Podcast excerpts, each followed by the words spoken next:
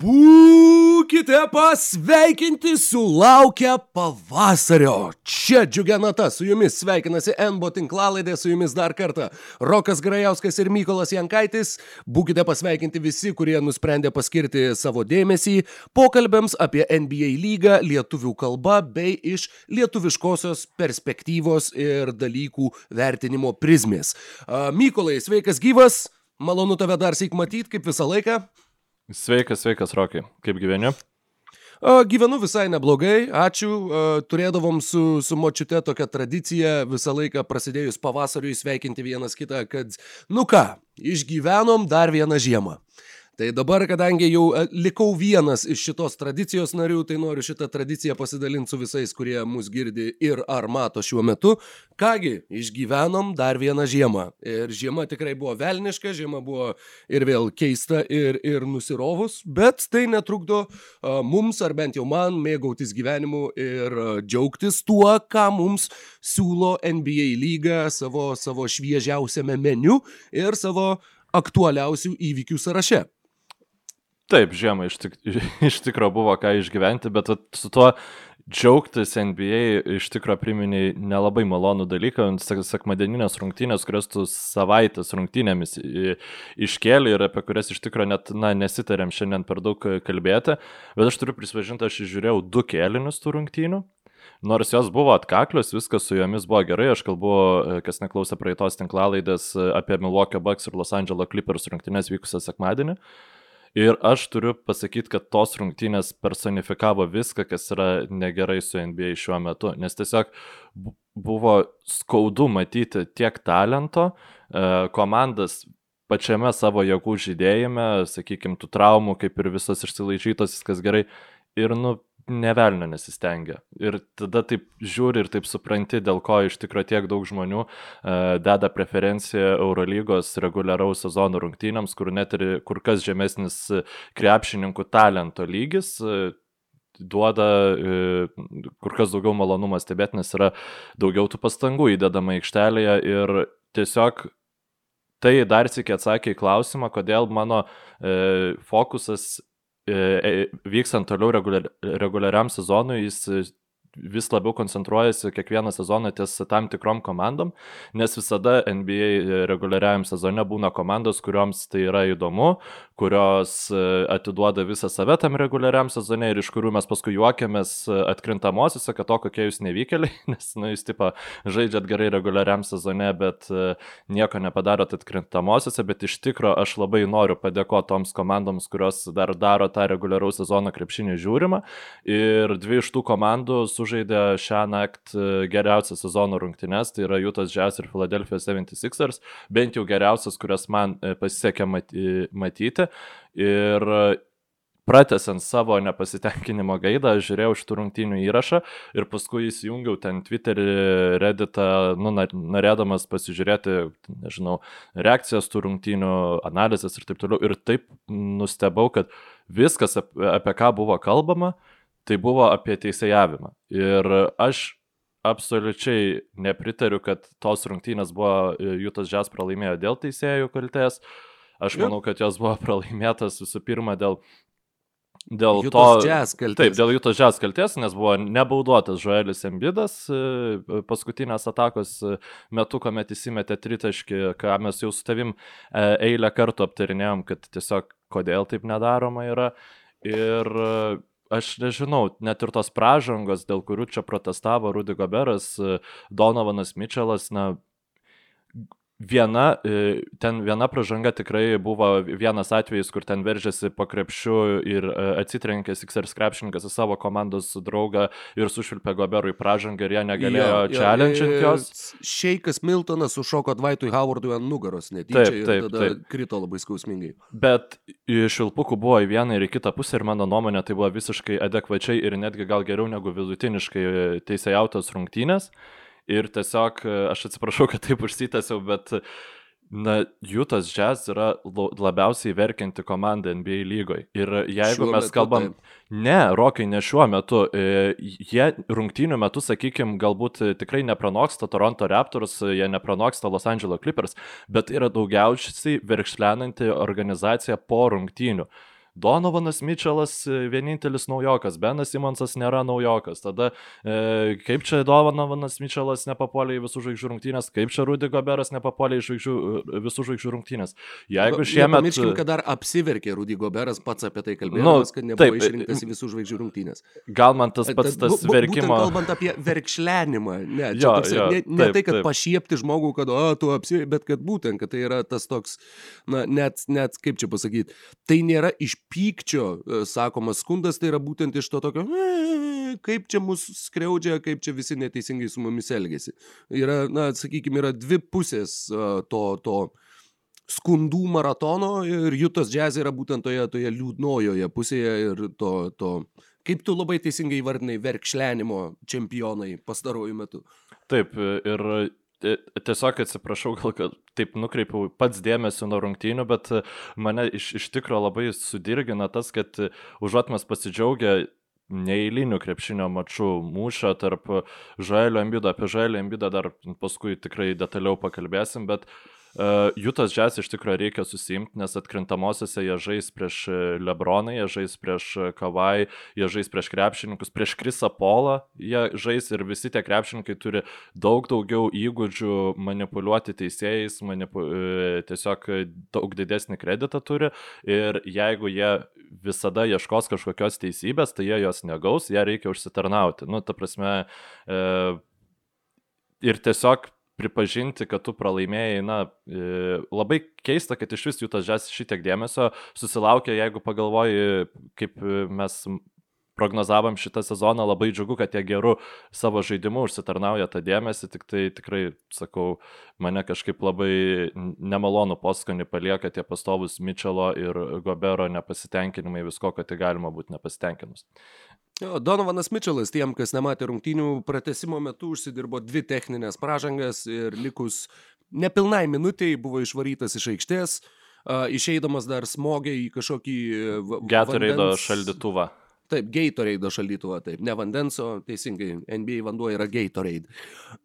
Tad taip, dar ir tenai potencialiai užsidirbo papildomų baudų, Ir tuo pačiu visiškai be cenzūros iškoliojo teisėjus, viską suvertė ant teisėjų, kad tai yra, kad, kad teisėjai pavogė šitas rungtynės iš mūsų, na taip gerokai sutrumpinus ir, ir iškarpius necenzūrinį leksikoną. Ir rungtynės iš ties buvo labai labai geros. Uh, Filadelfija gerai pradėjo, gerai po krepšių rinko taškus tiesiog vienoje atakoje po kitos. Ta tendencija išliko visom rungtynėm ir kai Juta pradėjo pataikyti tritaškius, ką jie darė labai aukštų lygių, ką ir daro visą sezoną labai aukštų lygių, daugiausiai tritaškių metanti, daugiausiai pataikanti komanda trečia pagal taiklumą, tai yra stulbinantis pasiekimas. Ir Kai tie tritaškiai džiazams krito, o Filadelfija buvo, atsimenu, pradėjo vienas iš vienuolikos, jeigu nesumeluosiu, ir tai buvo taip, jau iki taip, taip. ketvirto kelinuko vos ne šitie skaičiai išsilaikė. Uh, tad jie faktiškai beveik be tolimų metimų, tačiau kompensuodami tai baudų metimais, kuriais ženkliai pranoko uh, Jutos ekipa, sugebėjo galų gale vargais negalais išlyginti rezultatą, persverti rezultatą ketvirto kelinuko antroji pusėje pirmą kartą nuo tada, kai rungtynių pradžioje pirmavo 8-7 uh, ir Nors Juta dar rungtynių pabaigoje uh, bandė primesti savo taisyklės, bet būtent Joelis Embidas du tritaškiai paskutinę minutę ar per paskutinės dvi minutės ir svarbiausias tritaškis likus šešiom sekundėm išlyginęs rezultatą, Maikas Conley ir vėl nepataikė lemiamo metimo ir komandos žaidė pratesimą, kuriame Tobias Harrisas sumetė berots 11 iš 13 Filadelfijos taškų. Kad kiti žaidėjai dar pataikė po vieną baudą, o šiaip tai buvo Tobiaso Harriso pratesimas. Tiesiog... Ir ištraukė vienas rungtynės Filadelfijai. Žaelis Embidas pratesime atliko Spencerio Hoso funkciją, tiesiog stovėjo ties tritaškių, išplėtė, aš žinoma juokauju, nes gynybai Žaelis irgi buvo fantastinis. Kartu su Simonsu jie tikrai maksimaliai trukdė jų tažės pick and rollui ir pratesime tas labai sėkmingai veikia ta jų gynyba. Bet e, taip, Tobias Harrisas tiesiog naudodamasis tuo, jog e, Rudy Gobero nebuvo baudos aikštelėje, E, Jutas Jazz nėra ta komanda, kuri e, rotuotųsi ir, sakykime, kol Embidas yra ties tritaškių, statytų vieną krepšininką prie jo, o tada bandytų Rudį atvesti ir ten susikeisti. Tiesiog ir Embidas yra pernelik talentingas krepšininkas tam ir tiesiog reguliariame sezone visiškai jiems nėra poreikio eksperiment, tokius eksperimentus daryti. Tai mes matysim, kas bus atkrintamosiose, kai jiem reikės prieš Anthony Davisą, pavyzdžiui, žaisti galbūt antrame etape, jeigu e, viskas bus taip, kaip yra dabar. E, bet Tobiasas Harrisas tiesiog įrodė, jog, e, na, Bojanas Bojanas Bogdanovičius nėra pakankamo lygio krepšininkas stabdyti į vienas prieš vieną ir tiesiog įbedė į tą silpniausią jų tas žes vietą, kad jie neturi e, to, tų krepšininkų, kurie galėtų stabdyti Kavajų Leonardą. E, Roisas Onylas. Taip, bet Roisas Onylas, bet... nors, nors pagal vieną iš reitingų, e, nepasakysiu dabar šaltinio, bet vienas iš NBA Advanced Stats puslapių, kurie būtent turi matchup difficulty reitingą, žodžiu, ir kurio lyderis yra Lagvensas Dortas, tai yra krepšininkas, prieš kurį sunkiausia yra pelnyti taškus. Ir okay. tam to top penketuke buvo uh, uh, Roisas Onylas, bet man Roisas Anilas yra visiškai labiau gyny, e, komandinės gynybos, e, na, Roberto Covingtono stiliaus e, gynybinis krepšininkas, negu tas vienas prieš vieną monstras. Ir šiaip, vienas prieš vieną monstrų gynyboje, na, tas pats šitas mačas, Jutas Žes prieš Philadelphia 76ers privertė susimastyti mane, kad geriausias būdas ginti Žoelį Embidą nėra vienas prieš vieną, nes tiesiog tokių krepšininkų, kurie gali jį apginti, lygoje nebėra. Markas, Gaz, Markas Gazolis, na, reiktų pasižiūrėti, kaip jiems sektųsi, bet tai buvo, e, sakykime, vienintelis krepšininkas, kuris tą darė sėkmingai vienas prieš vieną. Mes e, laukiam šitos dykovos su Rudiko Beru ir tiesiog e, pirmame kelinėje Žoelis Embidas darė visiškai Hakimo Ladžiuono Dirko Novitski vertus judesius, kurie mane vertė aikščioti, ta prasme, tiesiog tai buvo absoliučiai fantastiška, jis tiesiog atrodė kaip Kevinas Durantas pri, prikimštas daug, e, daug mėsos ir e, judėjo fantastiškai, tada jisai uh, E, ver, vertė viską po krepšiu, tiesiog antroji rungtynių pusėje atrodė, kad e, užsikniso ir e, ties porą sykių tiesiog nudaužė Rudy Goberą savo fizinę jėgą Šakilo Nilo stiliumi ir galiausiai užbaigė rungtynės pataikydamas du tritaškus, ko pasiekoje mes pratesime matėm visą laiką jau prie jo pri, prilipusią jų tą žes gynybą. Tai absoliutus universalumas Šoelio Ambido polime tikrai uh, Nemanau, kad tai yra dabar labai svarbu, bet e, MVP lenktynėse labai reikšminga ši pergalė buvo ir šis jo pasirodymas 40-20. Ir šiaip... 19, 19 atkovotų kamuolių. Jo, atsiprašau, 19. Ir šiaip tiem, kurie, pavyzdžiui, po šitų rungtynių sako, Trudy Goberas nėra vertas tų visų laurų gynyboje, kuriuos jis renkasi, tai nėra tiesa. Jis yra vertas e, lygiai taip pat kaip, nežinau, koks Tony Allenas buvo vertas laurų gynyboje, kuriuos jis turėjo, bet tai nereiškia, kad tie krepšininkai gali ir yra pajėgus vienas prieš vieną sustabdyti ten Stefą Kari arba šiuo atveju Joelį Embidą, nes tikrai matėsi, kad Embidui labai sunku buvo. Rudy Goberas, net kai jį nusistumė, jis visiems su savo ilgomis rankomis gali sustabdyti, e, pakengti metimui. Ir, sakykime, net mane labai e, įdomiausia buvo, man atrodo, ketvirtame ar tai trečiame kelinėje e, vyko žaidimas 2 prieš 2 po, po puslankiu esančių po, po krepšių, ta prasme, Simonsas su Embidu, e, tiesiog, kad e, susikeistų ginamaisiais, po krepšiu atliko žaidimą 2 prieš 2, tai man tas buvo visiška fantastika. Apskritai, žiūrint šitas rungtynes, nepasakysiu dabar konkrečių akimirkų dėja, bet buvo, tai buvo vienas iš tų rungtynių, kur retas atvejis stebint NBA krepšinį, kur tu žiūri ir tu grožiesi gynybą tuo, kaip dirba. Tiek Juta, tiek Filadelfija turėjo tokių atakų gynyboje, na, kaip pasakyti, na, jo, atakų gynyboje, kur, nu, tiesiog atrodo, kad telepatiškai tie žaidėjai supranta vieni kitus, taip kaip jie rotuoja, taip kaip jie susikeičia, taip kaip jie po to, kai gynyba yra, yra mm, išplakta, kaip jie, tarkim, kryžiuojasi uždarydami metikus ties aikštės kampu. Buvo tikrai labai labai gražių epizodų ir e, šitos rungtynės, nors jos baigėsi po pratesimo ir e, pakankamai aukštais pelnytų taškų skaičiais, bet tiem, kurie sako, kad NBA krepšinis yra be gynybos, aš labai rekomenduočiau įsijungti va šitų rungtynių vaizdo įrašą ir pamatyti, kad tos gynybos ten yra tikrai yra daugiau negu kad uh, tūlas lietuvis įsivaizduoja, aš nekėdamas apie NBA krepšinį. Šiaip dar vienas krepšininkas, kuris labai geras rungtynės sužaidė, tai Dwightas Howardas, kuris savo... Tas tritaškis. Tritaškis, jo, tritaškis ir šiaip ten ta visa atkrapa, kur tiesiog... E, žiūrovams, kurie galbūt nesekė uh, Doko Riverso treniruojamų Clippersų, reiktų priminti vieną dalyką, kad e, Dokas Riversas yra vienas iš tų trenerių, kurie, na, nežinau, kas turėtų atsitikti, kad jie, sakykime, ne, nežaistų pilnu atsarginiu penketu, ypač reguliariajame sezone. Net ir atkrintamosiose labai, jis labai mėgsta tą daryti.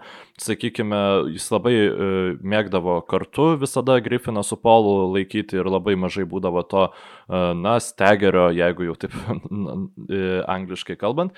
Lygiai tą patį jisai daro ir su Simonsu ir Embidu sakykime, tikrai nevengia tų penketų, kur nėra nei vieno, nei kito, net ir Tobajuso Hariso ir e, buvo tas penketas pilnas atsarginių ir jisai būtent tas penketas pirmoji rungtynių pusėje visiškai gavo į skūrą nuo jų tas jazz su Conley ir Rudy Goberu e, atsarginių penketo, kuris yra efektyviaus, vienas efektyviausių penketų, būtent e, jazz atsarginiai Conley ir Rudy Goberas. O antroje rungtynių pusėje būtent tas penketas sugražino Philadelphia 76ers į rungtynės, atžaidęs 8 taškus. Tai labai įdomu, kaip vat, net konkretus penketas sugebėjo prisitaikyti, kas man vis dar uh, padaro Doko Riversą sunkiausiai vert, įvertinamų trenerių NBA lygai. Man jisai, aš, aš taip ir negaliu apsispręsti, ar jis yra geras motivatorius, ar jis tikrai yra vis dėlto geras taktikas ir na, tiesiog trūksta galbūt man krepšinio su, supratimo, kad galėčiau adekvačiai įvertinti tą trenerį. Bet... E, Vienai par kitaip, Doko Riverso, na, tai, kas vyksta dabar, sakykime, neprieštarauja jo likščioliniai reputacijai, tai yra labai geras treneris reguliariem sezonam, o atkrintamosiose pamatysim, jeigu Filadelfija negaus iš 3-1 persvaros nuo nieko šitam sezone, tai jau bus žingsnis pirmin, atsižvelgiant į Doko Riverso karjeros atkrintamosiose rezultatus.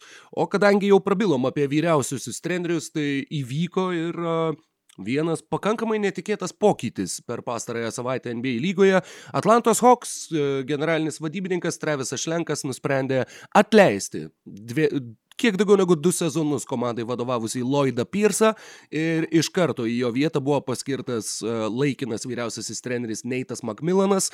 E, žvelgiant dabar jau, sakykime, iš, iš perspektyvos, prieš sezoną Macmillanas buvo pasikviestas kaip uh, vyriausiasis asistentas arba associate head coach, uh, spėjo netgi pavadovauti porai komandų tada, kai Lloydas Piersas negalėjo būti su klubu dėl savo dukters gimimo ir beje jo dukra, antroji dukra, bent jau ne pirmas vaikas, gimė prieš kiek, dvi savaitės ir va, tau, taip sakant, šeimos pagausėjimo proga, naujiena. Tai atostogų, puikiai. Taip, gauni jo, gauni uh, laisvų tokių tėvystės atostogų. Negalime sakyti, kad neapmokamų, be abejo, treneris kompensaciją gavo, pats treneris rašė, jog dėl manęs ir mūsų, tai uh, kalbėdamas apie savo šeimą, tikrai nepergyvenkit, viskas mums yra gerai gerai. Jeigu jums iš tikrųjų Jeigu jūs jaučiate nuoskaudą, tai geriau padėkite tiems, kuriems to iš tikrųjų reikia.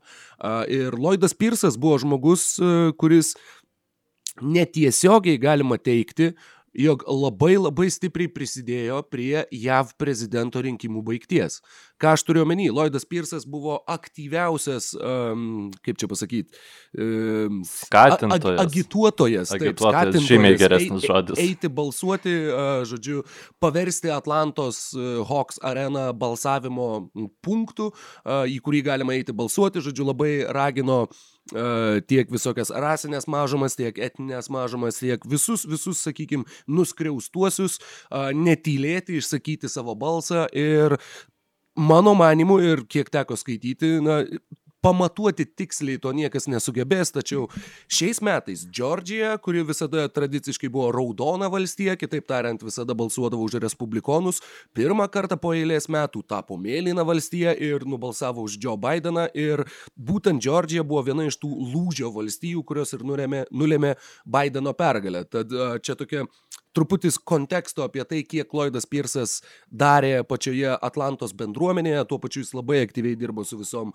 labdarom, paramom ir, ir na, būtent bendruomeniai tai buvo turbūt daugiausiai davęs treneris, nepaisant to, kad tenai praleido tik tai porą metų, o iš krepšinio pusės jau norėčiau žodį perleisti Mykolai tau, kaip, kaip tu vertini šitą sprendimą ir, ir kaip apskritai jį pamatė, ar labai jisai tave nustebino? Na, turint omeny, kad e, žaidėjai prašė šitos e, permainos, šitų, šitų pokyčių. E, Kaip kalbama vėliau. Taip, taip, taip, kalbama, kad Trejangas ypatingai tiesiog nejautė ryšio su treneriu, tai tiesiog visiškai tada nieko ir nebeliko daryti Trevisui Šlenkui, kurio paties pozicija yra absoliučiai negarantuota. Man atrodo, kad turint omeny aplinkybės, tai yra traumų kiekį, E, Atlantos Hawks pasirodymas yra daugiau mažiau pagal galimybės. Klintas e, Kapelai integruotas į komandą po traumos buvo labai sėkmingai, sakykime, galbūt Danilo Galinari norėjosi labiau akcentuoto vaidmens, bet e, reikia suprasti, kad tikrai Atlantos Hawks ypatingai nesiseka su traumomis šį sezoną ir aš nemanau, kad Neitas Macmillanas padarys kažkokį labai didelį progresą. Aš nemanau, kad Neitas Macmillanas šitą komandą treniruos kitais metais šituo metu. Aš mhm. manau, kad komanda susiras galbūt naują trenerį ir tiesiog tai yra paskutinis bandymas Treviso Šlenko tiesiog užsitvirtinti šitoj pozicijoje. Ir man labai patiko komentaras, kurį e, feedą mačiau Twitterio po būtent šitų naujienų paskelbimo, kad Atlantos Hawks reikėtų užsitikrinti, kad naujo trenerio ieškos žmogus, kuris e, na, tuos sprendimus priims ateinantį laikotarpį, o ne Trevisas Šlenkas, kuris bandys išsaugoti savo poziciją. Na, kitaip tariant, reikia apsispręsti ir nori pasilikti Trevisą Šlenką kaip savo mm, pagrindinį operacijų prezidentą. Dėl pačių taktinių visų sprendimų ir panašiai, tai Na, man labai įdomu, ar Trey Youngas geriau jausis Neito Macmillano sistemai, kuris, na, tikrai nėra žinomas kaip tas daug laisvės, siautulingus žaidėjus e, mėgstantis strategas, nors kita vertus, Lensas Stevensonas Neito Macmillano sistemose jautėsi labai gerai, o tas žmogus tiesiog pati asmenybė labai uraganiška, tai nežinau. Taip, siautulio e, prie termino žodynė turėtų būti Lenso Stevensono nuotrauka. Ja. Bet kalbant apie Neitą Macmillaną, aš nebūčiau garantuotas, kad jis čia nebus kitais metais, kadangi šį sezoną aš manau, kad jisai turi galimybę užbaigti atvesdamas Hoksus į atkrintamasis, tuo pačiu, na, iškrisdamas pirmame etape, tačiau įvykdydamas tą, tą pradinį tikslą, Tai yra treneris, kuris turi, e, vėl kalbant apie tą grindų ir lubų palyginimą, tai yra treneris su super aukštomis grindimis, bet labai žemomis lubomis. Tai yra, jisai pakels tavo rezultatus iki konkretaus lygio, tačiau neatves tavęs iki čempionų titulo. Žmogus, kuris, jeigu nesumeluosiu, 16 sezonų yra vadovavęs klubom, dirbo Sietle, kur praleido visą karjerą kaip žaidėjas, dirbo Portlande, dirbo Indijanoje, dabar dirbs Atlantoje ir uh, per visą tą laiką, per tuos 16 metų, nors į atkrintamasis jisai išeina pakankamai stabiliai, jisai yra laimėjęs vieną atkrintamųjų varžybų seriją. Vieną. 2004-2005 su Sietlo Supersonics jie įveikė Sacramento Kings, kurie jau buvo uh, byranti ta komanda, kuri kapojosi su Lakers 2000-ųjų dešimtmečio pradžioj. Uh, ir jisai gali įvesti labai drausmingą gynybą, jisai gali įvesti tą nelabai lankščią, tačiau pakankamai patikimai veikiančią ir savo sistemą puolime. Ir jeigu žaidėjai iš tiesų, sakykime, pilnai, pilnai save investuos į tai, ką jiems bando įdėkti Neitas Macmillanas, Atlantos Hawks rezultatai šiame sezone gali pagerėti lyginant su tuo, kokie jie buvo vadovaujant Lloydui Pirsui. Bet kalbant apie Trevisą Šlenką, e, po šito sprendimo sakyčiau, jog Šlenkas e, užsidėjo pats taikinį savo ant nugaros. E, dabar tai yra ta situacija, kur niekas dabar jau nebekaltins trenerio, laikino vyriausiojo trenerio dėl komandos rezultatų, dabar jau yra daug daugiau kalbama apie tai, kad nors tie visi laisvųjų agentų įsigijimai, apie kuriuos kalbėjom prieš sezoną ir kuriuos gyrėm prieš sezoną ir sakėm, jog, o, Atlanta iš tikrųjų už tai, na, buvo tokia situacija, jie turėjo pinigų, kažkaip reikėjo juos išleisti, va, susirinko įdomius žaidėjus. Nu, klausimas, ar iš tikrųjų jiems reikėjo būtent tokio tipožo žaidėjų, komandai, kuri na, su su Trejangu niekada nebus gerai besiginanti komanda ir kurį visada turės slėpti gynyboje. Ar tikrai būtent Bogdanas Bogdanovičius ir Danilo Galinari buvo tie žaidėjai, kurie geriausiai tiktų prie Trejango? E, Ražonas Rondo buvo pasiimtas kaip įžaidėjas, kuris štai išmokys Trey Youngą krepšinio subtilybių. Vieną, vieną bent jau įžaidėją, kur, kurio kažko tai išmokė Ražonas Rondo. Norėčiau sužinoti prieš, prieš patikėdamas šitą, šitą teoriją. Aleksas Karuso, nežinau. Aleksas Karuso, galvoju, jis nėra žaidėjas. Jis, jo, jis net techniškai nėra ne, šiaip, žaidėjas. Taip, ties Rondo norėčiau užsilikti, nes tai yra turbūt iš visų tų sprendimų e, krepšininkų mažiausiai pasiteisinęs, aš manau. E, Krisas visų... Danas tiesiog nežaidžia dėl traumų. Taip, Bogdanovičius irgi nežaidžia bet dėl traumų, Galinari ilgą laiką nežaidė be traumų, bet dabar jau visai maloniai atsigauna ir mano fantasy komanda tempia, nu tiksliau, nebetempia žemyn, nors ne, šiaip šudinai jisai žaidžia, atsiprašau, bet, nu, tai nepastoviai, nereguliariai, žodžiu, tikiuosi, kad šiaip mm. Galinari atsigaus. Uh, bet Žonas Rondo jis žaidžia ir jis žaidžia negatyviai, jis žaidžia taip, kaip e, žaidė didžiąją dalį savo krepšinio prieš praeito sezono atkrintamasias Los Angeles Lakers jo. ir gal net būtų galima vystyti teorijos, kad jisai visai norėtų žai... užbaigti sezoną jau kitoj komandai tas būtų labai logiška. Jisai turi dviejų metų kontraktą, tiesa. Taip, tai išpirkti tiesiog. Bet tas kontraktas yra visai toksai, kurį galima iš, išsimainyti tam tikroje. Šiaip, jeigu reikėtų mane kažkaip tai, na, nežinau, šokai galva šitą mintis ir uh, Celtics, aišku, būtų iš vis uh, epiška sugrįžimas Ražono Rondo į Bostono Celtics, bet jiems labiau reikia pataikančių į žaidėjų, nes tai ir yra jų problema tiek su Tygu, tiek su Kemba. Ačiū Dievui, Kemba dabar jau atsigauna ir vėl slidinėja kaip vandens čiuožikas po aikštelę su kamoliu, bet ta komanda, kuri man šovė į galvą apie tai galvojant, buvo Los Angeles Clippers.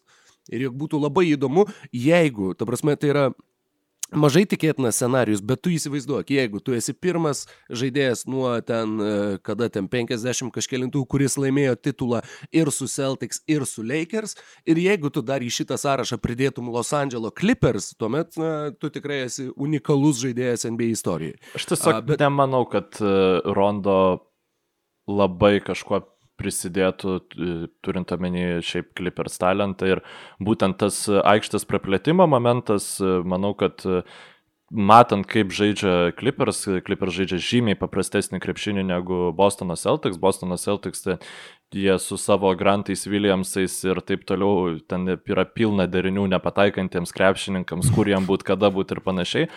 Tyrono Lų krepšinis yra žymiai paprastesnis, turint tokį talentą kaip Kawhi Leonardas ir Polas Džordžas ir aplinkui turint tokius krepšininkus kaip Morisas, Ibaka, Beverly ir, ir kiti, na tikrai gerai žaidžiantis ir svarbiausia gerai pataikantis krepšininkai, žaidimas yra labai paprastas, mes visada galim gauti efektyvų metimą, jeigu kamalį turi Kavai Leonardas ir tiesiog Ražonas Rondo sumažintų to tikimybę. Tai aš nepritarčiau tam, kad Clippers vertėtų atiduoti kažkokius resursus, kad gautų Rondo, reikėtų... Kad jie neturi resursų. Jeigu jiems pavyktų su savo nulinių resursų skaičiumi jį gauti, aš, aš būčiau visai nieko prieš, bet...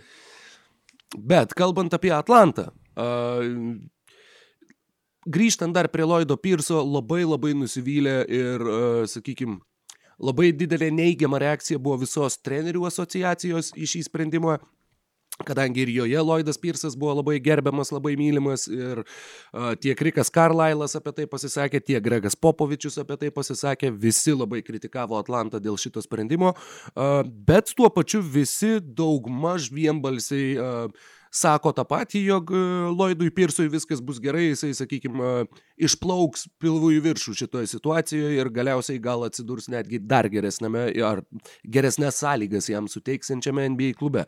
Uh, tad Ar manai, Pirsui... kad tai bus? Manau, kad taip. Manau, kad Aš taip. tai tik norėčiau pakomentuoti šitą trenerių nepasitenkinimo reakciją. Na, kada paskutinis iki buvo atleistas treneris ir treneriai uh, sakė, kad, oi, nu jo, jis šiaip tikrai prastus rezultatus rodė su komanda, ne, nu, tai žiūrėk, gerai, kad paimkim, jie atleido. Tarkim, Neitas McMillanas buvo atleistas iš Indianos Pacers. Kas nors ką nors sakė apie tai? Ne. Čia aš tai žinok, neatsimenu, bet aš... Blogo, aš... Bet tiesiog, kai niekas nieko nesako, arba visi sako. Aš neprisiminsiu ir šito, kad sakė apie Lloydą Pirsą. Man tai atrodo, kad trenerio atleidimas nėra kažkokia tragedija tam pačiam treneriui, ką sakė ir Lloydas Pirsas. Ta prasme, jie gauna visą savo kontraktą. Tai kas yra tikrai dideli pinigai, taip galbūt tai yra šioks toks smūgis, na, tavo ateities perspektyvom ir panašiai, bet tų galimybių yra labai daug, tu gali toliau dirbti kaip asistentas, tu, nu, ta prasme, tu gali galų gale, net ir Europą dabar treneriai vyksta iš NBA, ten, na, Koškovo pavyzdys, aišku, Koškovas e, europietis yra, bet e, tai tikrai, na, nėra kažkoks e, toks siaubingas elgesys atleisti. Aš manau, kad trenerio atleidimas yra sveikas procesas procesas komandai, tai yra vienas lengviausių būdų pakeisti komandos e, veidą, pasižiūrėti, ar įmanoma su tuo esančiu e, brandoliu pasiekti kažkokių kitokių rezultatų, nes tiesiog pakeisti keitaliot žaidėjus e, gali būti žymiai nuostolingiau komandai, jeigu, sakykime, problema yra trenerija. Tai man, aš tai e, suprantu šitą sprendimą, plus tai ėjo iš žaidėjų ir ar jeigu tau reikia rinktis ar tavo treneris, ar kad ir koks jis bebūtų, arba trejangas, tai nu, turbūt e, rinksis trejangą, nors ir, sakykime, galbūt jisai nėra toks geras krepšininkas, kokiu dedasi, bet reikalaudamas e, trenerio išeimą. Na, čia. Mano, Atlantos Hawks po šito atleidimo laimėjo pirmasias dviejas Neito Makmilono vadovautas rungtynes, pergalė prieš Miami be Jimmy Butlerio, kur Miamis sukrapštė 80 taškų per rungtynes, NBA rungtynes ir tuo pačiu pastarąją naktį nuo mūsų pokalbio jie trimis taškais palaužė Orlando Magic, kurie nabagai jau dabar yra prieš paskutinėje konferencijos vietoje ir na, tos traumos, kalbant apie traumas, tai Orlandas yra na, tiesiog skausmingiausia šio sezono istorija. Na, o... Visų. Kaip? Vis, visų sezonų, nu, kad, kada nu, buvo paskutinis jam... sezonas, kai, kai Magic buvo sveiki, nu šiaip tikrai žiauriai jų, fa, jų fanų turėtų būti labai nesmagu. Tikrai tas e, žaidimas finale 2009 metais ir tada tiesiog rutuliojimas į apačią. Na, e, labai jau, nuo Dvaito Howardo mainų nieko, nieko komanda taip iš savęs ypatingo ir neišspaudė. Uh, kalbėjom apie Neitą Makmilaną, galim bent jau trumpai paminėti ir tai, kaip sekasi jo buvusiai komandai. Indianos Pacers ir visų pirma, kalbant apie juos, sveikinimai Domantui Saboniui. Taip. Domas e, tikrai įrodė, na, ne Domas, o labiau Adamo Silverio sprendimas įrodė, jog mes buvom neteisūs su savo prielaidom, tikėdami, jog jeigu bus traumuotas žaidėjas, tai dar kažkuris kitas krepšininkas, o ne Domantas atsidurs visų žvaigždžių rungtynėse. Buvo ir labai, labai daug ir labai aršios kritikos dėl šito sprendimo, e, Mykolai, čia jau tavo zona, Neitas Dankanas, Jonas Hollingeris, e, tie, tie žmonės, kurių nuomonės tu sėki ir e, aš mačiau taip, sakykime, pusantros akies, ne, nepilnai, pilnai nesigilinau, bet ten jie pamasgų išpylė labai labai daug. Nežinau, aš tai tuos tie argumentai tiesiog yra tokie patys, kokie buvo ir prieš tai, dėl ko tie Sabonio neįtraukė į savo sąrašus. Tai yra, kad uh, abu du, sakykime, žiūri ne į tai, ne, pirmiausia, ne pagal vien iki e, balsavimo esantį reguliarų sezoną, o apskritai krepšininko labiau statusą, tada e, tas, tas momentas, kad Domanto Sabonio skaičiai, kuomet jis nežaidžia, ten tie 300 ir 400 minučių, kuomet Sixer, e, Pacer žaidė be jo, buvo geresni negu kuomet jis buvo aikštelė. Nu, apie ką mes jau viską apkalbėjome, aš nenoriu kartotis. Nu ir tiesiog remiantis tais argumentais buvo kur kas geresnių krepšininkų, jų nuomonė. Ne, Bet ten e, buvo daug, ten buvo vienas iš, iš kurį mačiau, buvo, jog tai yra blogiausias visų laikų krepšininkas žaidęs du kartus visų žvaigždžių rungtynėse. Nu tai pernai buvo, kad e, blogiausias šiaip visų, e, per pastaruosius kelias metus visų e, laikų krepšininkas. Atsiprašau, ne visų laikų, bet per pastaruosius kelias metus blogiausias All-Staras. Na, tiesiog aš tai nematau prasmės šitaip, sakykime, užsiciklinti ties kažkieno nuomonę. Man kaip tik yra tas, iš vis visi šitie podcastai būtent, na, dėl ko mes juos darom, dėl ko mes jų klausom, nes tai yra kažkokios nuomonės, kurios, kuriuom tu arba pritari, arba nepritari. Ir svarbiausia, kad ta nuomonė būtų pagrista argumentais. Ir arba tau tie argumentai atrodo svarus, arba tu manai, kad ne, jie nėra svarus, aš, aš manau taip, taip ir taip. Čia kalbant apie tas nuomonės, šiaip reikia pabrėžti, kad nei tas Duncanas, ypač Jonas Hollingeris kur kas mažiau Bet e, jie kur kas yra labiau šiaip apie krepšinį kalbantis žmonės, o ne ten žmonės, kurie sako geriausi visų laikų krepšininkai, ten visų laikų krepšininkas geriausias yra Lebronas, ne Jordanas, ne Lebronas, nu, kaip yra kitos ten visos laidos, kurios, e, sakykime, visą savo auditoriją vien iš šitos vienos temos e, susirenka. Tai, na, tiesiog jie pasisako pasi, pasiremia argumentais, aš mat, matau tos argumentus, aš galbūt jam nelabai pritariu šituo atveju, kad taip kategoriškai yra, bet šiaip tai dar girdėjau, kad vienas iš Miami Heat reporterių sakė, kad buvo siūlyta šitą vietą Jimmy Butleriui, bet jis sakė, mhm. kad jis ją priimtų tik tada, jeigu be Medebajų būtų pirmiausiai jinai pasiūlyta. Tai, jo, čia, žodžiu, čia įdomus irgi, įdomi naujiena ir uh, įdomus faktas.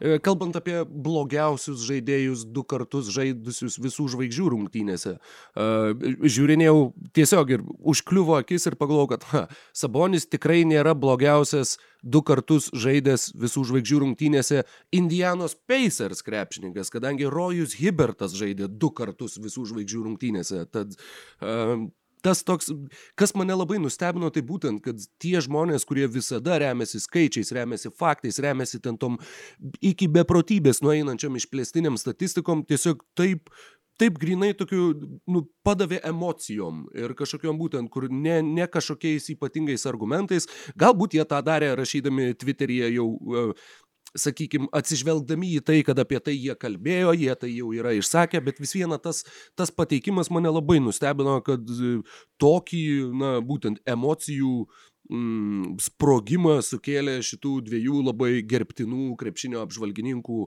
galvose Domanto Sabonio pakliuvimas į visų žvaigždžių rungtynes. Bet kalbant apie pačius Indianos Pacers, prieš tai kalbėjom, jog štai nėra Sabonio, o Indiana yra ketvirtoji vietoje, Indiana šiuo metu jau yra devintoji vietoje. Ir pastarąją naktį jie šiaip netaip laimėjo prieš Clevelando Cavaliers. Tiesa, Cavaliers prieš tai buvo laimėję, de, e, pralaimėję 10 rungtynių iš eilės ir tada laimėję ketverias iš eilės, tad jie atėjo ant bangos, sakykime, į tas rungtynės su, su Indianos klubu. Bet Indiana turėjo daug e, prastų rungtynių, daug pralaimėjimų, apskritai per pastarąsias 10 rungtynių iškovotos tik tai keturios pergalės ir teko žiūrėti kel, keletą iš tų susitikimų. Vienas dalykas, kuris mane, e, sakykime, iš dalies na, negaliu sakyti, kad sužavėjo, bet nu, patraukė akį ir tuo pačiu pradėjo siaubingai erzinti iki rungtynių pabaigos. Uh, Indiana žaidė su Bostono Celtics, pralaimėjo tas rungtynes. Domantas Sabonis surinko devynis rezultatyvius perdavimus, iš tų devynių aštuoni buvo tritaškiams. Ir jeigu komandos draugai būtų pataikę laisvus metimus, tai tų rezultatyvių perdavimų būtų buvę gal 15 ir iš jų 14 būtų buvę tritaškiams, kad uh, labai labai stipriai bent jau tose rungtynėse, ir, o vėliau, kai žiūrėjau ir, kitas, ir kitose rungtynėse, buvo žaidžiama būtent tuo iš vidaus į lauką žaidimu, tai yra, kad iš baudos aikštelės Domantas pritraukęs dvigubą gynybą atmeta kamuolį metikams, beje atmeta kamuolį dauguma atvejų preciziškai tiksliai, kaip sako anglakalbiai, tiesiai į kišenę metikui įmeta kamuolį, tai yra, kad nu, labai patogiai atmesti tie kamuoliai ir daugiau padaryti, kuriant tas progas Sabonis tiesiog negalėtų, kadangi padaro viską be maž tobulai. Ir kitas dalykas, kuris iš to išplaukia beveik savaime, yra tas, kad vietomis na, tarkim, su tais pačiais Celtics jie žaidė, man atrodo, ketvirto kilinuko pradžioje. Jie dar turėjo šiokį tokį pranašumą ir tada pralaimėjo atkarpą ten gal minus 15, nes jie jau faktiškai primena Houstono Rockets. Jie primena tą, turiu omeny tą komandą, kuri nepataikė 27 tritaškių iš eilės. Tai yra, kai tavo atakose, nežinau, 12 atakų iš eilės tu meti tritaškius. Ir tas, na, pradeda, ir tai net nėra, sakykime, iš tos situacijos, kad varžovai labai susispaudę po krepšių, mes tiesiog naudojamės tuo, ką mums duoda varžovai. Ne, jie ieško tų tolimų metimų, jie ieško tritaškių, jie nori mesti tuos tolimus metimus ir remtis šitą žaidimo filosofiją, man atrodo, yra labai rizikinga, kadangi jeigu tu mesi 10 dvitaškių iš eilės, tikimybė, kad tu nepataikysi nei vieno yra nepalyginamai mažesnė, negu kad tu nepataikysi nei vieno iš dešimties tritaškių iš eilės. Ir tos žaidybinės duobės jų rungtynėse labai dažnai ir atsiranda tada, kai komanda tiesiog meta iš toli ir nepataiko iš toli, nepataiko iš toli, nepataiko iš toli, kol kitoje aikštės pusėje varžovai pamažu, pamažu renka taškus. Nu, tu čia labai žinok supaprastini, nes tiesiog mes 10 dvitaškų išėlės, tu gali labai lengvai nepataikyti jeigu tu jas mesi visus iš vidutinio nuotolio. E, viskas atsiriamia į tai, kokios e, kokybės yra tie dvitaškai metimai ir matomai yra priimamas sprendimas, kad Pacers nesugeba reguliariai susikurti gerų dvitaškų metimų iš pakrepšio.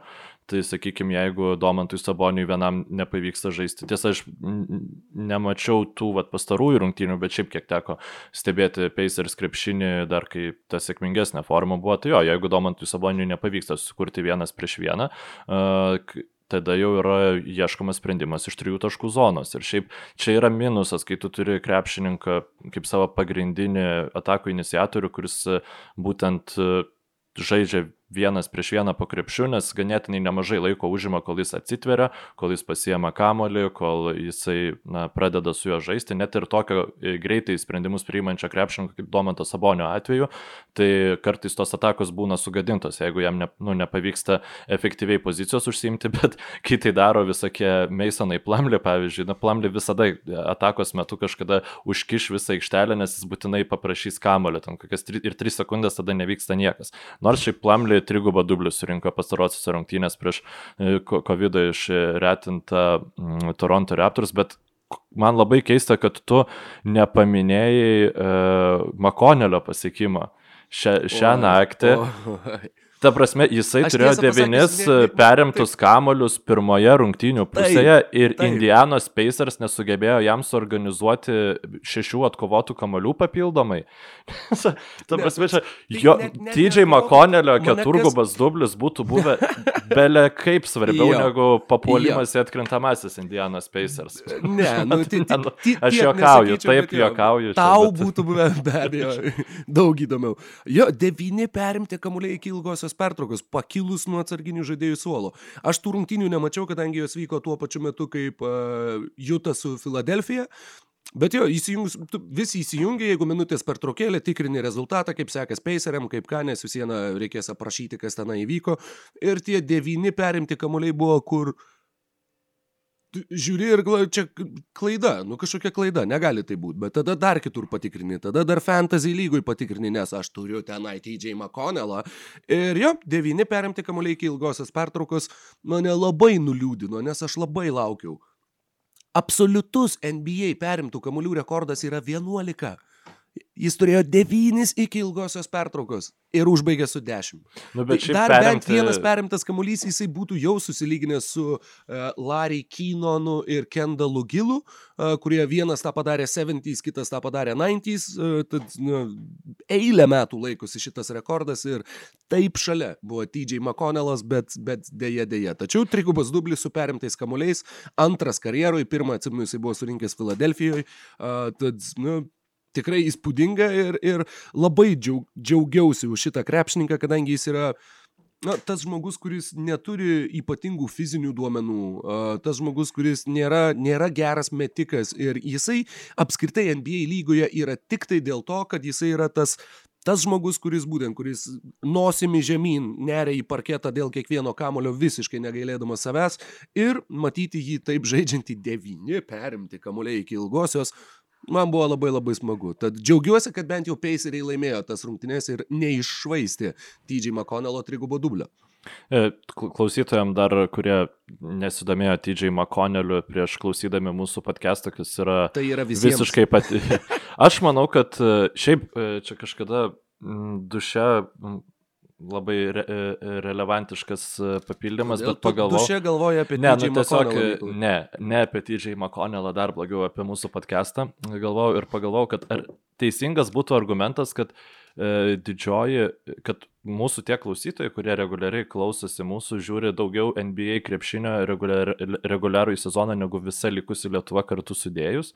Ir, va, taip, ir, ir taip ir neapsisprendžiau, ar čia, ar čia tiesa, ar, ar netiesa, bet... Jo, aš manau, kad taip. Aš jeigu manau, kas nors e, domisi TJ McConnelliu, tai ta prasme, tarp tarp jų tikiuosi, kad yra žmonių, kurie klausosi NBA, o jeigu yra žmonių, kurie e, domisi TJ McConnelliu ir ne, nesiklauso NBA, tai aš tai Patys tada kaip. priemu kaip e, tiesiog asmeninį žaidimą, reiškia, na, mes nepakankamai įdomus esam žmogui, kuriam įdomus yra TJ McConnellis. Bet, Na, šiaip, prašom savo komentaruose taip, šią savaitę savo šiautautus, komplimentus, linkėjimus ir pagarbą TJ McConnellui galim pilti visi. Taip, 8 iš 8, 8 iš 8 metimų, 13 e, rezultatyvių perdavimų, 10 perimtų kamalių, vienas blokas, 2 tik tai klaidos, 2 klaidos čia yra fantastika ir 16, 16 pelnytų taškų, tai ir plus 14 e, komandai.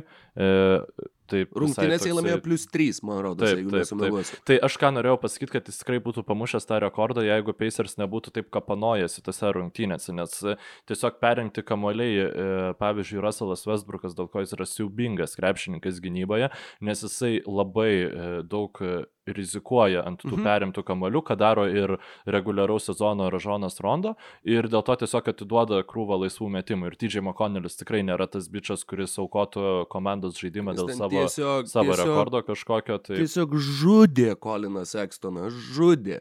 Tai yra, kai tiesiog žaidėjas bando pereiti į varžovų aikštės pusę ir nepereina. Ir be šansų, nes tiesiog, nes TJ McConnellas yra bulterjeras, kuris įsikandęs tau į blauzdą, tempėsi paskui tave ir nepaleis tavęs, jeigu tu jam nenukirsi galvos. Ir tuo atveju dar nepaleis turbūt. Uh, tad tikrai labai įspūdingas Makonelo pasirodymas, o grįžtant prie Sabonio, Sabonis dalyvaus įgūdžių konkurse NBA visų žvaigždžių savaitgalio metu. Ten dalyvaus antrus metus iš eilės ir man atrodo, kad tai yra nuostabi iliustracija to, nu, iki kiek iš tikrųjų Nu, mums pofik yra tasai konkursas. Mykolai, e, kelintas, ta prasme, kiek, tai, kiek nuėjo pernai Sabonis įgūdžių konkurse? Ar e, atsimeni, antras ar pralaimėjo, pralaimėjo kažkam, e, arba Jokičiui, arba, arba, nu, žodžiu, pralaimėjo. Pralaimėjo, jo, bet o, o kaip, visiškai... kaip jam sekėsi apskritai ten? Ar jisai pirmame pralaimėjo etape? Ne, tai antrame? antras jisai liko, man atrodo. Jo, jis, tenai. taip, finale pralaimėjo prieš Bema Adebayo. Tai tu jau atsimeni daugiau negu, negu 90 procentų klau, Lietuvos. Klausiau neseniai kažkokas. Taip, ne, aš Basket News uh, puslapį perskaičiu. Šiaip jeigu ne Basket News puslapis, tai žiauriai daug dalykų apie visų žvaigždžių rungtynės nežinočiau ir iš kur ta mano mintis kilo apie, apie tai, kad uh, mūsų klausytojai žiūri pakankamai daug NBA reguliaraus sezono krepšinio. Man būtų įdomu, kiek iš žmonių klausančių šitą podcastą žiūrės kažką iš e, visų žvaigždžių e, rungt, e, evento, įvykio, nežinau, mm, nes renginio. Man tai yra absoliuti, nu aš, aš nežinau, pirmiausia, tai mes su tavim neapkalbėjom tuo metu, kai visi apie tai kalbėjo, kad koks yra debilizmas šiaip at, rengti šitą dalyką. COVID atveju tiesiog, kuomet tu galėtum duoti e, visiems krepšininkam tiesiog pabūtų savo šeimą ir pasilsėti ten, ten septynias dienas, nors aš... Visą sezoną negali su savo šeima pabūti ir vat, tą savaitės pertrauką irgi negali, nes turi... Taip varyti į Atlantą ir ten štai jau. Ir, ir ką parodė, kad e, ten visiems sakantiem, kad e, čia šiaip svarbu yra dėl kontraktų ir taip toliau. Taip, svarbu dėl kontraktų ir puikus pavyzdys Rising Stars Challenge taip. buvo tiesiog išrinktos komandos, kažkas ten pasipiktino, šiaip irgi niekam ten niekas nerūpi, tas formatas šiaip yra ganėtinai durnas, nors aš, ne, man atrodo, į, į Rising Stars Challenge į kontraktus e, nepapuola ten, negauna daugiau pinigų, jeigu... Būti. Nes tiesiog papuola. būtų labai manau, durna, nes. E, dešimtas geriausias pasaulio krepšininkas yra žymiai prastesnio lygio negu dešimtas geriausias e, amerikietis krepšininkas, ten, ten pasižiūrėkite į tas. Ir palauk, uh, Michaelas Mulderis kanadietis yra išrinktas į visą. Maledonas, nu, nu. Čia yra, jis, jis žaidžia už Warriors, ne? Nors tai yra žaidėjas, kur aš net nežinau, už ką jisai žaidžia. Tai, o tu esi kylančių žvaigždžių rungtynėse. Tai, nu, Taip. būtent tų amerikiečių būtų galima pririnkti tris komandas, e, lyginant su pasaulio ekipa, kurioje šiais metais yra penki kanadiečiai, uh, japonas, žydas, uh, graikas kažkoks barots, ne, palauk, buvau šičiagi kažkur tai atsidaręs, bet jau uždariau kaip visiškai neaktualią informaciją. Tai aš, ne, kad, nes tai ir nėra aktuali informacija. Ką aš norėjau pasakyti, tai norėjau paklausti, kas žiūrės kažką iš mūsų klausytojų. Tai atsakykit, būkite mėly, o ką e, pasiūlyt norėčiau NBA lygai, jeigu Silverį klausaisi, tai išsitrauk dabar užrašinę, e, braukt visą e, savaitgalį Vilniop ir daryt taurės formatą. O... E, tai būtų labai labai daug pliusų. E, tai pirmiausias pliusas būtų, tai sumažintų e, rungtynių kiekį reguliariame sezone. Tai leistų išlaikyti apytikriai uh, panašų bendrai sužaidžiamų rungtynių kiekį, kas ten visiems statistikos uh, all-time mylėtojams ir taip toliau yra labai svarbu. Ir šiaip nu, reklamos pinigų nesumažėtų. Ir tada tiesiog kokia taurė, jeigu be prizo, ne? Laimėti tiesiog tą taurę atrodytų ganėtinai keista, man visada atrodo ganėtinai keista tos taurės, ypač tam NBA masyviam visam reikale, ta blitz taurė kažkokia galbūt keistai atrodytų, bet Jeigu e, tos turės laimėtojas ir NBA lyga vienintelė lyga, kuri gali pasiūlyti tokį vertingą prizą, gautų 15 šaukimą ateinančių metų naujokų biržai. Būtent 15. Nu taip, tiesiog visos loterijos komandos pasirenka ir tada yra 15. Nu, tiesiog pirmam raunde būtų 31 šaukimas. Okay, e, okay. Ir 15 gauna laimėjusi, e, laimėjusi taurę komandą. Tai tada, sakykime, nespringtų tos gero, gerą krepšinį žaidžiančios komandos su, sakykime, veteranų kontraktais, jos būtų apdovanotos už tai, kad jos žaidžia gerą krepšinį, e, būtų motivacijos anksčiau įgauti formą, sakykime, ir arba tenkinančioms komandoms, kurios, sakykime, turi jau kažkokią šaukimų bazę, sukaupusios prisidėti dar vieną šaukimą. Mm -hmm. Tai mhm. aš man, įsivaizduoju, kad aš labai daug dalykų neapgalvoju šitam reikale, bet aš tiesiog bet manau, kad tai būtų velniškai įdomu. Galvoju, Mhm. Būtent apie prizą galvojant, aš galvau, kad kažkokia šaukimų, būtent šaukimo formoje kažkokia kompensacija būtų tai, kas motivuotų pačią organizaciją ir patį klubą. Tuo pačiu aš manau, kad tam, jog e, galėtum motivuoti žaidėjus, e, už pasiekimus, už kuo tolesnį nuėjimą tauriai, galėtų būti numatytos kažkokios finansinės e, irgi kažkokie, kažkokie bonusai, kurie nesiskaičiuotų į algų kepurę. Tai ta prasme, kad klubui apsimokėtų, nu, tu tiesiog išmokėjai tuos pinigus ir jeigu tu ten moki prabangos mokesčius, tau nereikia mokėti jokių ten papildomų sumų, o žaidėjim tuo pačiu tu gauni daugiau pinigų, jeigu tu toli nueisi šitoj tauriai. Kaip vyktų pati taurė, mano manimu, visur turėtų būti uh, vienos rungtynės, laimėjai, eini toliau, pralaimėjai, važiuoji namo, uh, tuomet dar tai įvestų ir daug daugiau atsitiktinumo faktoriaus, kurio NBA lygoje šiaip jau yra labai labai nedaug, uh, todėl NBA lyga ir turi mažiausiai varijuojančius nugalėtojus lyginant su NHL, MLB, NFL ir MLS, kitom didžiosiam JAV sporto lygom, kadangi viskas yra subalansuota taip, kad iš tikrųjų geriausia komanda turi geriausias galimybės laimėti. O jeigu tai yra tik tai vienos rungtynės, kaip pavyzdžiui NFL, amerikietiško futbolo pirmenybėse, tada ir tų atsitiktinumų atsiranda daug daugiau, tada būtų daug daugiau šansų sensacijoms ir tuo pačiu tai įneštų visai kitos dinamikos papildomai būtų būtent reguliariojo sezono metu į uh, NBA pirmenybės. Tad šituo atveju aš negalėčiau tau labiau pritarti. Uh, ir būtent, jog šitas savaitgalis jisai galėtų turėti tritaškių konkursą, galėtų turėti dėjimų konkursą ir tuo pačiu tai yra taurės superfinalas. Dėjimų konkursas, aš jį net pam... aš taip supikau, pamatęs, trys krepšininkai. Trys jo, krepšininkai, trys, iš kurių... Pavyko net surinkti keturių. Nepavyko, Taip. visada būna keturi, dabar tiesiog nebuvo keturių norinčių. Ir tai aš atsiprašau, bet, uh, okei, okay, Obi Topinas, sakykime, Anfernis Simonsas, sakykime, Cassius Stanley. Rokai, nu aš prisipažinsiu, aš nežinau, kurioje komandoje jisai žaidžia. Nu, aš, žinau, aš žinau, kurioje komandoje jisai žaidžia, bet aš žiūrėjau, nu, nu, nežinau, šiais metais ne tiek žiauriai daug, nu, bet galbūt du trečdalius ar nepilnus tris ketvirtadalius Pacers rungtynių aš nesu matęs Kešijų Stanley aikštėje.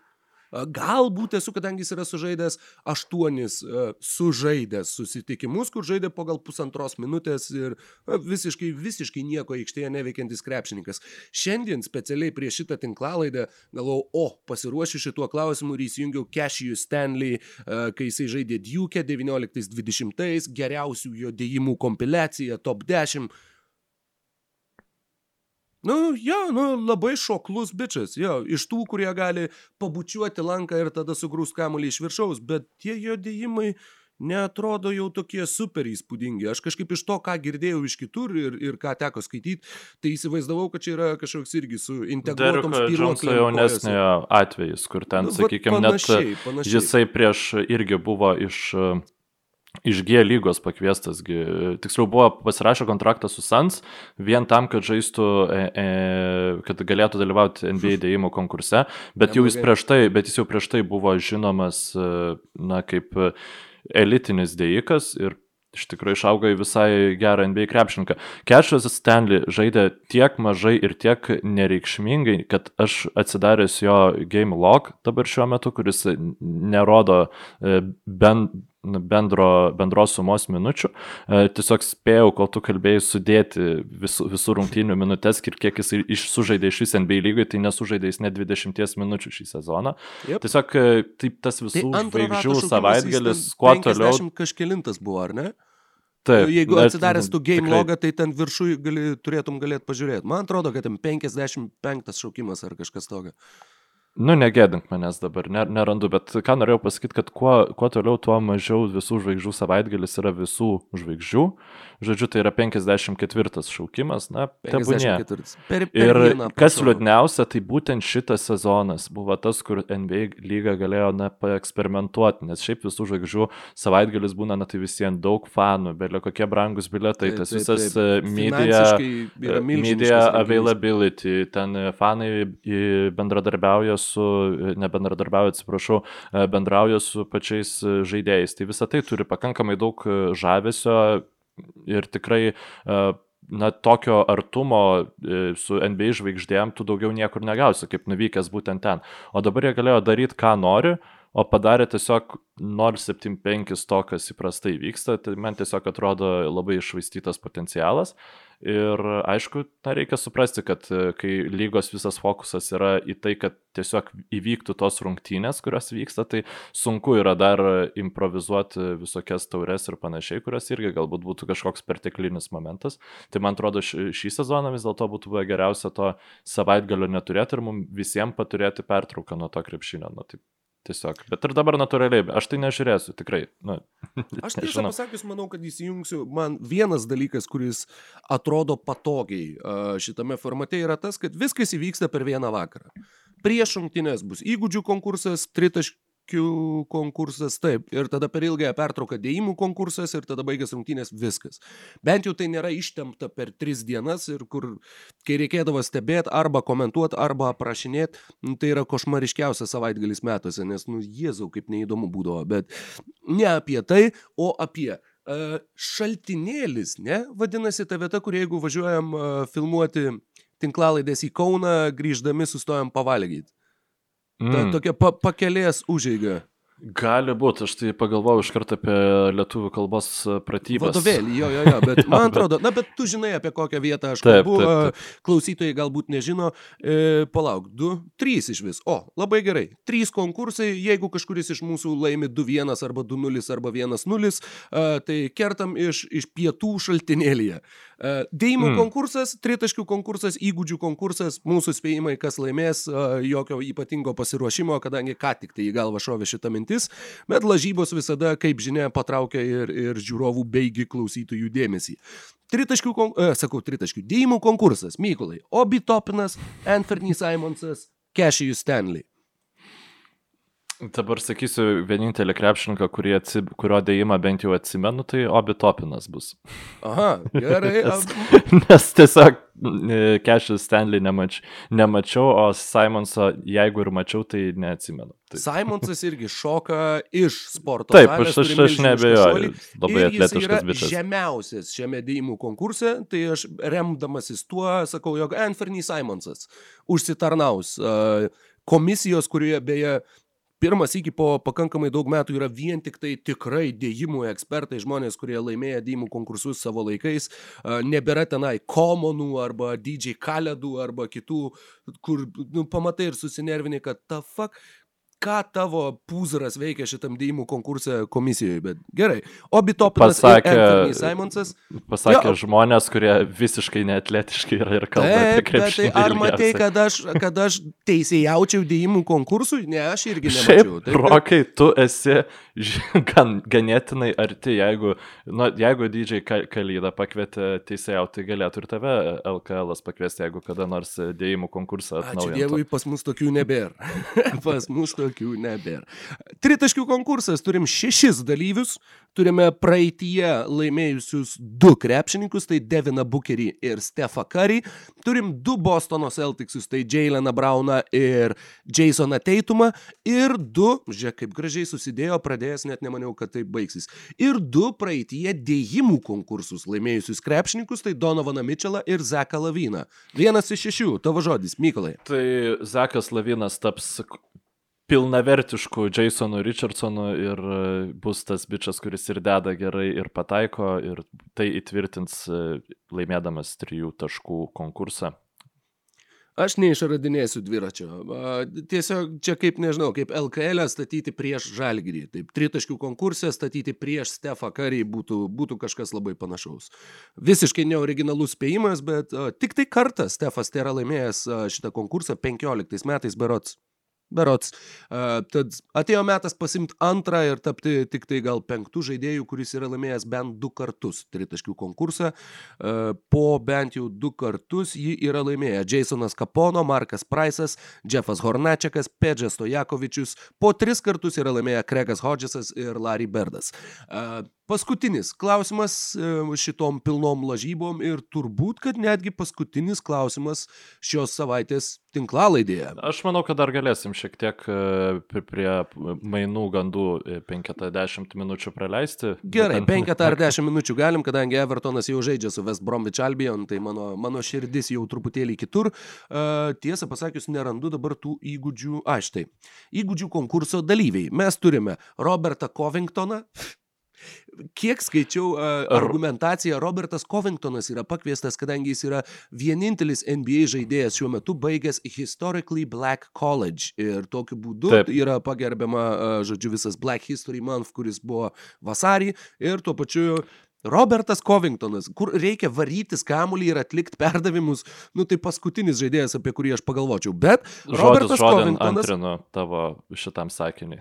Julius Randlas, Luka Dončičius, Krisas Polas, Nikola Vučevičius ir Domantas Sabonis. Kas laimi? Įgūdžių konkursą šiais metais. Robert, tai yra toks šūvis tam sakant. Robertas Covingtonas tikrai parodys kiek, parodys, kiek prasmingas yra šitas konkursas ir laimės jį. Ai, labai gerai. Nu, aš tuomet, e, kad būtų visiems linksmiau, sakysiu, jog Domas pernai buvo finale, šiais metais jisai daug daugiau kontroliuoja kamuolį, daug dažniau bėga į greitą pulimą, tad yra daug geriau įvaldęs šitą konkurso dalį. Perdavimus jisai žinom, jog atlikti moka, tritaškius pataikyti gali. Domantas Sabonis šiais metais laimi įgūdžių konkursą ir tampa tik tai antru, jeigu nesumeluosiu, oi ne, ne antru. Uh, ketvirtu užsieniečiu laimėjusiu šį konkursą. Ar nori Mykolai pasukti galvą ir pagalvoti, kokie trys užsieniečiai yra laimėję įgūdžių konkursą nuo 2002 metų, kai jisai vyksta. Vienas iš jų tą padarė du kartus, o kiti du yra europiečiai krepšininkai tą padarė po vieną kartą.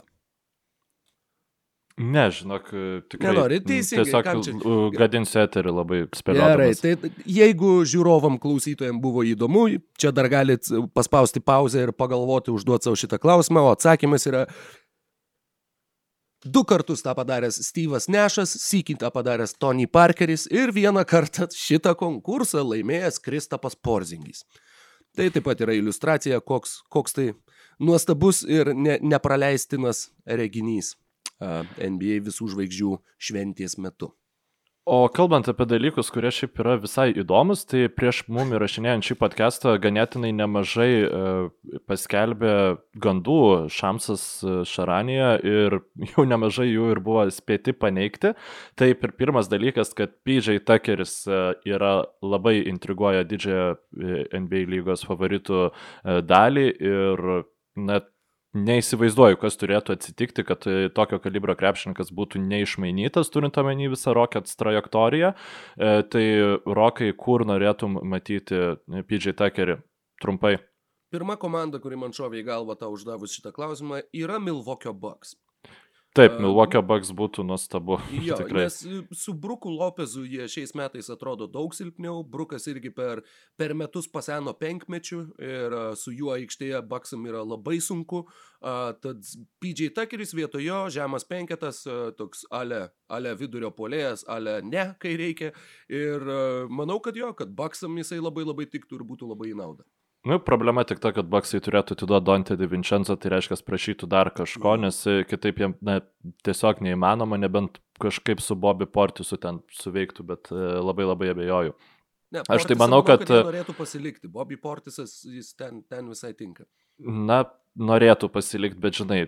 Nu, ar tu kaip, labai norėtum ar, ar, ar Bobby... vietoj Bobby Portiso? Nemanau, Taip, Portisas žinoma, koks skirtumas, kad jaunesnis Pidžiai Tuckeris yra visiškai kito kalibro krepšininkas. Aš manau, kad jis būtų žiauriai naudingas Jutas Jazz, aš tiesiog matydamas šiose rungtynėse tą e, žaidimą, kur visada gauni išmest laisvą tritaškį metimą ir e, PJ Tuckeris jį puikiai moka pataikyti, bent jau e, anksčiau mokėdavo, tai uh, ten tikrai norėčiau jį pamatyti. JJ Redikas pagaliau, mano bent viena prognozė tapo bent jau gandu, yra siejamas su Delaso Mavericks, aš vis dar manau, kad mainai Dvaitas Pavilas į JJ Rediką būtų pakankamai logiški, nors Viliai Hernangomesas labai labai sėkmingai įsitvirtina atsarginio centro rolėje, e, su kurio Zainas Williamsonas atrodo palime labai labai smagiai. Ar turi kažkokių nuomonių dėl JJ Rediko ir galiu dar eiti prie kitų mainų ir gauti tavo nuomonę? JJ labai labai prastai pradėjo sezoną, bet pastaruoju metu jau rodo gyvybės ženklus e,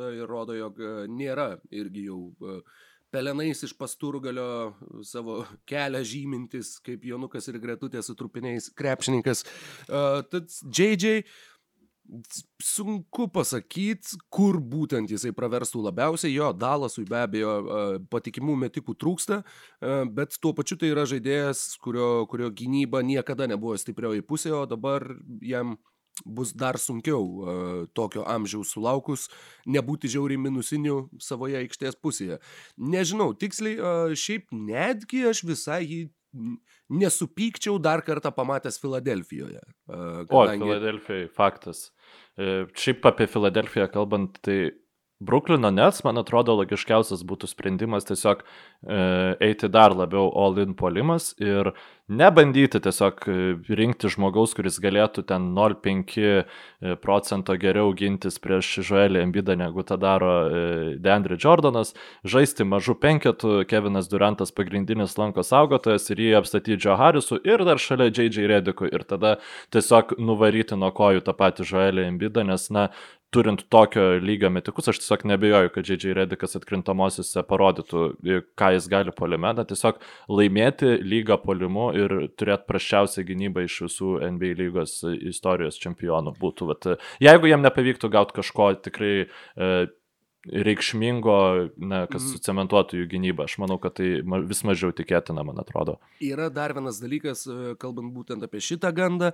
J.J. Rediko šeima gyvena Bruklinė, jisai pats gyvena Bruklinė ne sezono metu, tad jam tai būtų tikrai irgi e, savotiškas svajonės išsipildymas. Mm. Labai buvo smagios 15 minučių, kuomet buvo pareportinta, kad Bostonas Celtics domisi Jeremy Grantu.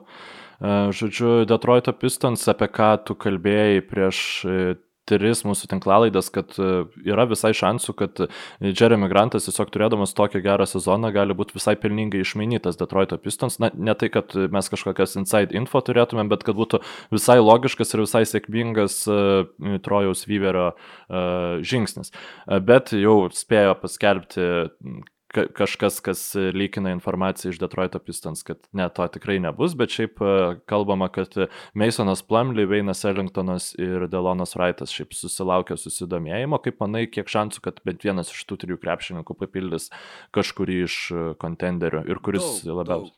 Veinas Ellingtonas kaip tik šiandien sukalė aštuonis tritaškius, man rodos, į, į tą uh, Toronto Raptors trečios sudėties e, komanda, e, komandos ginama krepšiai. E, tad jo, Ellingtonas yra metikas, kur galbūt ne JJ Rediko lygio, tačiau atsižvelgiant į Rediko amžių, dar klausim, klausimas, kurį iš šitų dviejų krepšininkų tu labiau norėtum turėti savo ekipui.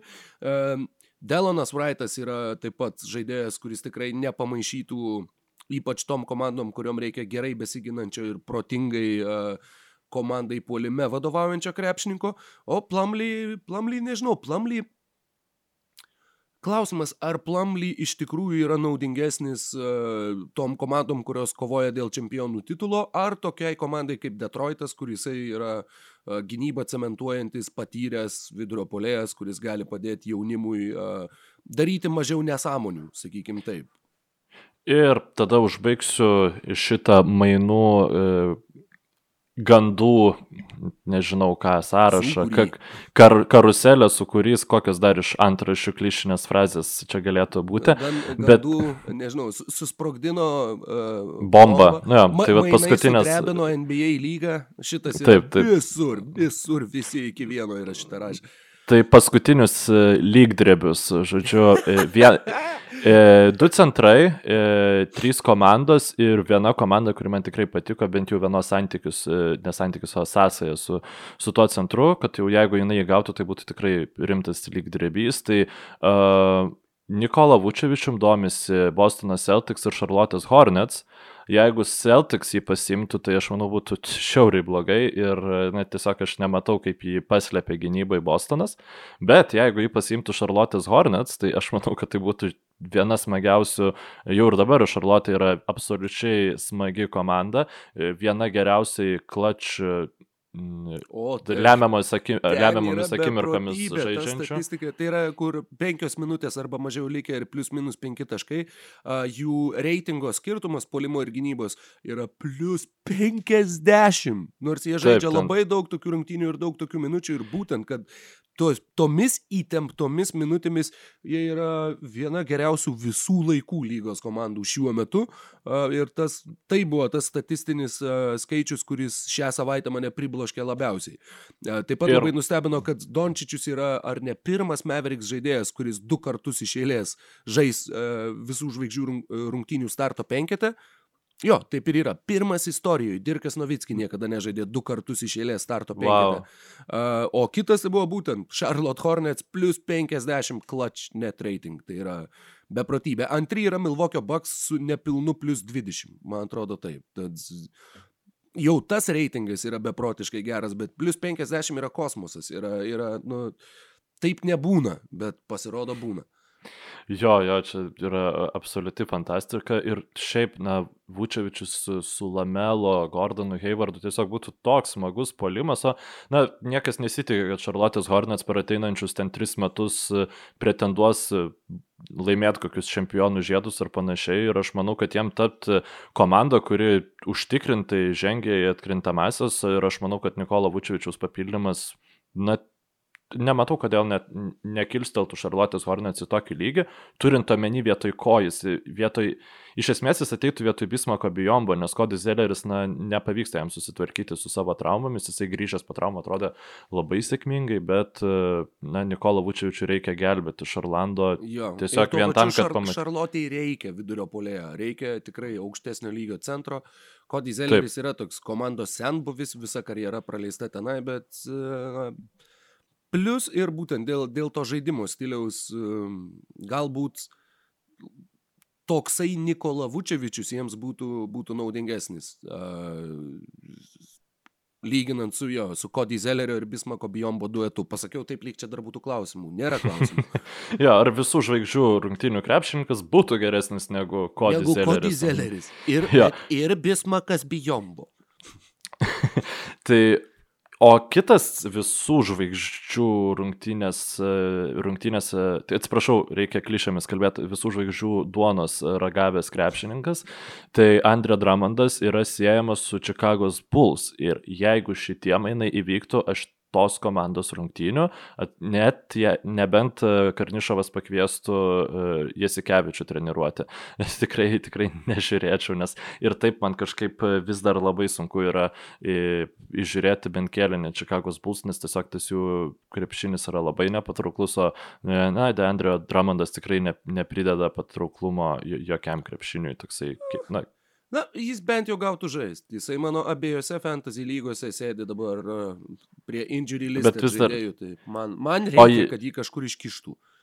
Jo, jo, jo. Tai šiaip, na, kaip ir logiškas sprendimas, bet... Ja, Bulls, aš dabar neturiu statistikos prieš akis, bet aš manau, kad jie yra pakankamai prastai dėl kamuolių kovojanti komanda. Ir būtent šitą skylę visada Andrė Dramondas bet kurioje komandoje kemša ir, ir pagerina, tuo pačiu netgi ir pagerina gynybą, tuo klausimu, kad tu ženkliai sumažini varžovų antrų šansų skaičių. Nu čia reikia pasižiūrėti, kiek, kiek tų atkovotų kamolių tikrai pol, gynyboje daugiau susirinktų, e, tiksliau, kiek mažiau polime atkovotų e, kamolių priešininkai prieš Chicago's Bulls ir kiek e, ant durnų pamfeikų pasiraunantis Andrė Dramondas atneštų į savo krepšį šitų taškų. Tai čia, žinai, tas ant to gal net ir gaunasi. Plus, na, aš vis dar tikiuosi iš Vendelio Karterio jaunesniojo, kad jis kažkaip tą savo potencialą gynyboje, kurį jis demonstravo prieš atvykdamas NBA lygą na, re, realizuos ir jam pavyks. Aš prieš sezoną padaryti. netgi labai daug tikėjausi ir iš Danielio Geffordo, bet panašu, kad jis irgi kažkaip kol kas jo progresas stovi. Tai žaidėjas vidurio polėjas su labai gerais fiziniais duomenimis ir kuris atrodo kaip potencialiai labai geras gynybinis žaidėjas, bet mhm. bent jau kol kas atrodo yra labai toli nuo to, kad jisai tokiu iš tikrųjų būtų. Bet žaidėjas čia ne į temą su mainais, bet žaidėjas, kuris Nublemba tikrai turi potencialo vieną dieną būti geriausiai besiginančių lygos krepšininkų. Yra Robertas Williamsas iš Bostono Celtics. Nu, fantastiškai tiesiog, visiškai nestandartinis uh, žaidėjas, kuris, va sakau, žiūrėjau, tarkim, tas rungtynės su Pacers, nu, paliko puikų įspūdį ir, ir tą padarė ne pirmą kartą šiame sezone. Kol kas jisai nežaidžia ypatingai stabiliai, bet, bet tas potencialas tenai tikrai yra. Ir kalbant ir apie tai, kad Celtics ieško vidurio polėjo, kol kas, na, teoriškai taip. Jiems, jiems šiame sezone, ypač jeigu tu keli savo labai aukštus tikslus, jo, vidurio polėjas jums labai padėtų. Bet, kalbant apie Robertą Williamsą, aš manau, jog žiūrint į, į klubo ateitį, ateitį jie turi labai labai rimtą kandidatą būti vienu geriausių uh, gynybinio plano vidurio polėjų lygoje. Bet tai yra na, po kokių bent jau trejų metų. Dviejų, Nes trijų kaip minimum. Serijoje prieš Miami hit buvo tiesiog akivaizdu, kad Bostonui verkiant reikia uh, lanko saugotojo ir, na, nėra šiuo metu rinkoje prieinamas tas krepšininkas. Geriausias turbūt e, realus variantas yra Ževalas Magi, man taip atrodo, kurį beje nori susigražinti Los Angeles Lakers, kuriems vet, jau pabiškai atrodo, kad Montrezas Herelas galbūt gali ir ne visai sueiti atkrintamosiose prieš tas jau geriausiai, geriausiai žaidžiančias e, kom komandas. Na, nežinau. Žavalas smagiai irgi turbūt galim garantuoti, kad neužbaigs sezoną Clevelando Cavaliers. 95 procentai. Nebent Cavaliers padarytų nesąmonę ir nuspręstų jį pasilikti, bet tikrai tai yra, tai yra tas uh, žetonas, kurį tau reikia išsikeisti į grinuosius, kol, kol tavęs neišvarė iš kazino. Tai va, šitiek iš tų uh, lyg drebių, ar, ar kaip ten aš juos pavadinau, žodžiu, tai e, daugiau kaip, daugiau kaip ir e, papildyti nieko neturiu apie mainus, tikiuosi labai, kad e, šis mainų deadline'as bus įdomus, tų mainų lygiai bus daug. Na... Nuo šios dienos, kai mes šnekam, lygiai trys savaitės lieka klubam bandyti padaryti kažką ir pagerinti savo šansus būtent mainų būdu kovoje dėl titulo. Jeigu bendrai reikėtų spėti, kaip manai, turėsim vidutinį aktyvumą, didesnį ar mažesnį? Net Manau, tiesiog kaip abstrakčiai. Jo, Manau, turbūt, mažesnė. turbūt mažesnė. Taip, Nes kalbėjom tokia... apie tai, kad trūksta parduodančių komandų, labai daug kas dar taikosi į tas 90 vietas. Tad jo, manau, manau, kad bus mažiau mainų negu kad įprasta, kai sėdi mainų lango užsidarimo dieną ir nespėjai reaguoti į tai, kas vyksta, nes viskas, nespėjai aprašyti vienų mainų, jau dar treji pasirodė. Tai manau, kad šiais metais bus truputėlį ramiau. Duok dievę, kad būtų tas tavo traukulių variantas. Ačiū, palinkėjai ką tik man traukulių, dėkui bičiuli. Tai kalbant apie traukulius, tai eime žiūrėti Evertono ir... Jo, nes 0-0 kol kas, tai ten dar traukuliuojasi. Ir ačiū klausytojai, kad įsijungėte mus. Linkiu smagaus visų žvaigždžių savaitgalio tiems, kas vis dėlto pasišvesi. Sekmadienio, ne, visų, ne savaitgalio. Jo, visų žvaigždžių sekmadienio. O sekmadienio rytą mūsų laiku bus ar pirmadienio rytą? Pasižiūrėti. Kad neapgautumėme jokių būdų mūsų brangiųjų klausytojų beigi žiūrovų. Visų žvaigždžių rungtynės yra iš sekmadienio į pirmadienį trečią valandą nakties Lietuvos laiku pats pats tiesiog pats tas, ar ne? Na, tai visada tai būdavo, tiesiog norėjau pasitikslinti, ar nepakeitė kažko, kas vat, galbūt būtų biškai šiek tiek daugiau europiečių pritraukę, bet tikrai nemanau, kad labai jau ten svarbu, Amerika yra Europos rinka visų žvaigždžių savaitgalį. Tai uh, su jumis buvo NBO podcastas, Mykolas Jankaitis, Rokas Grajauskas, ačiū, kad buvote su mumis ir iki kito susiklausimo. Iki. Lei Mingue.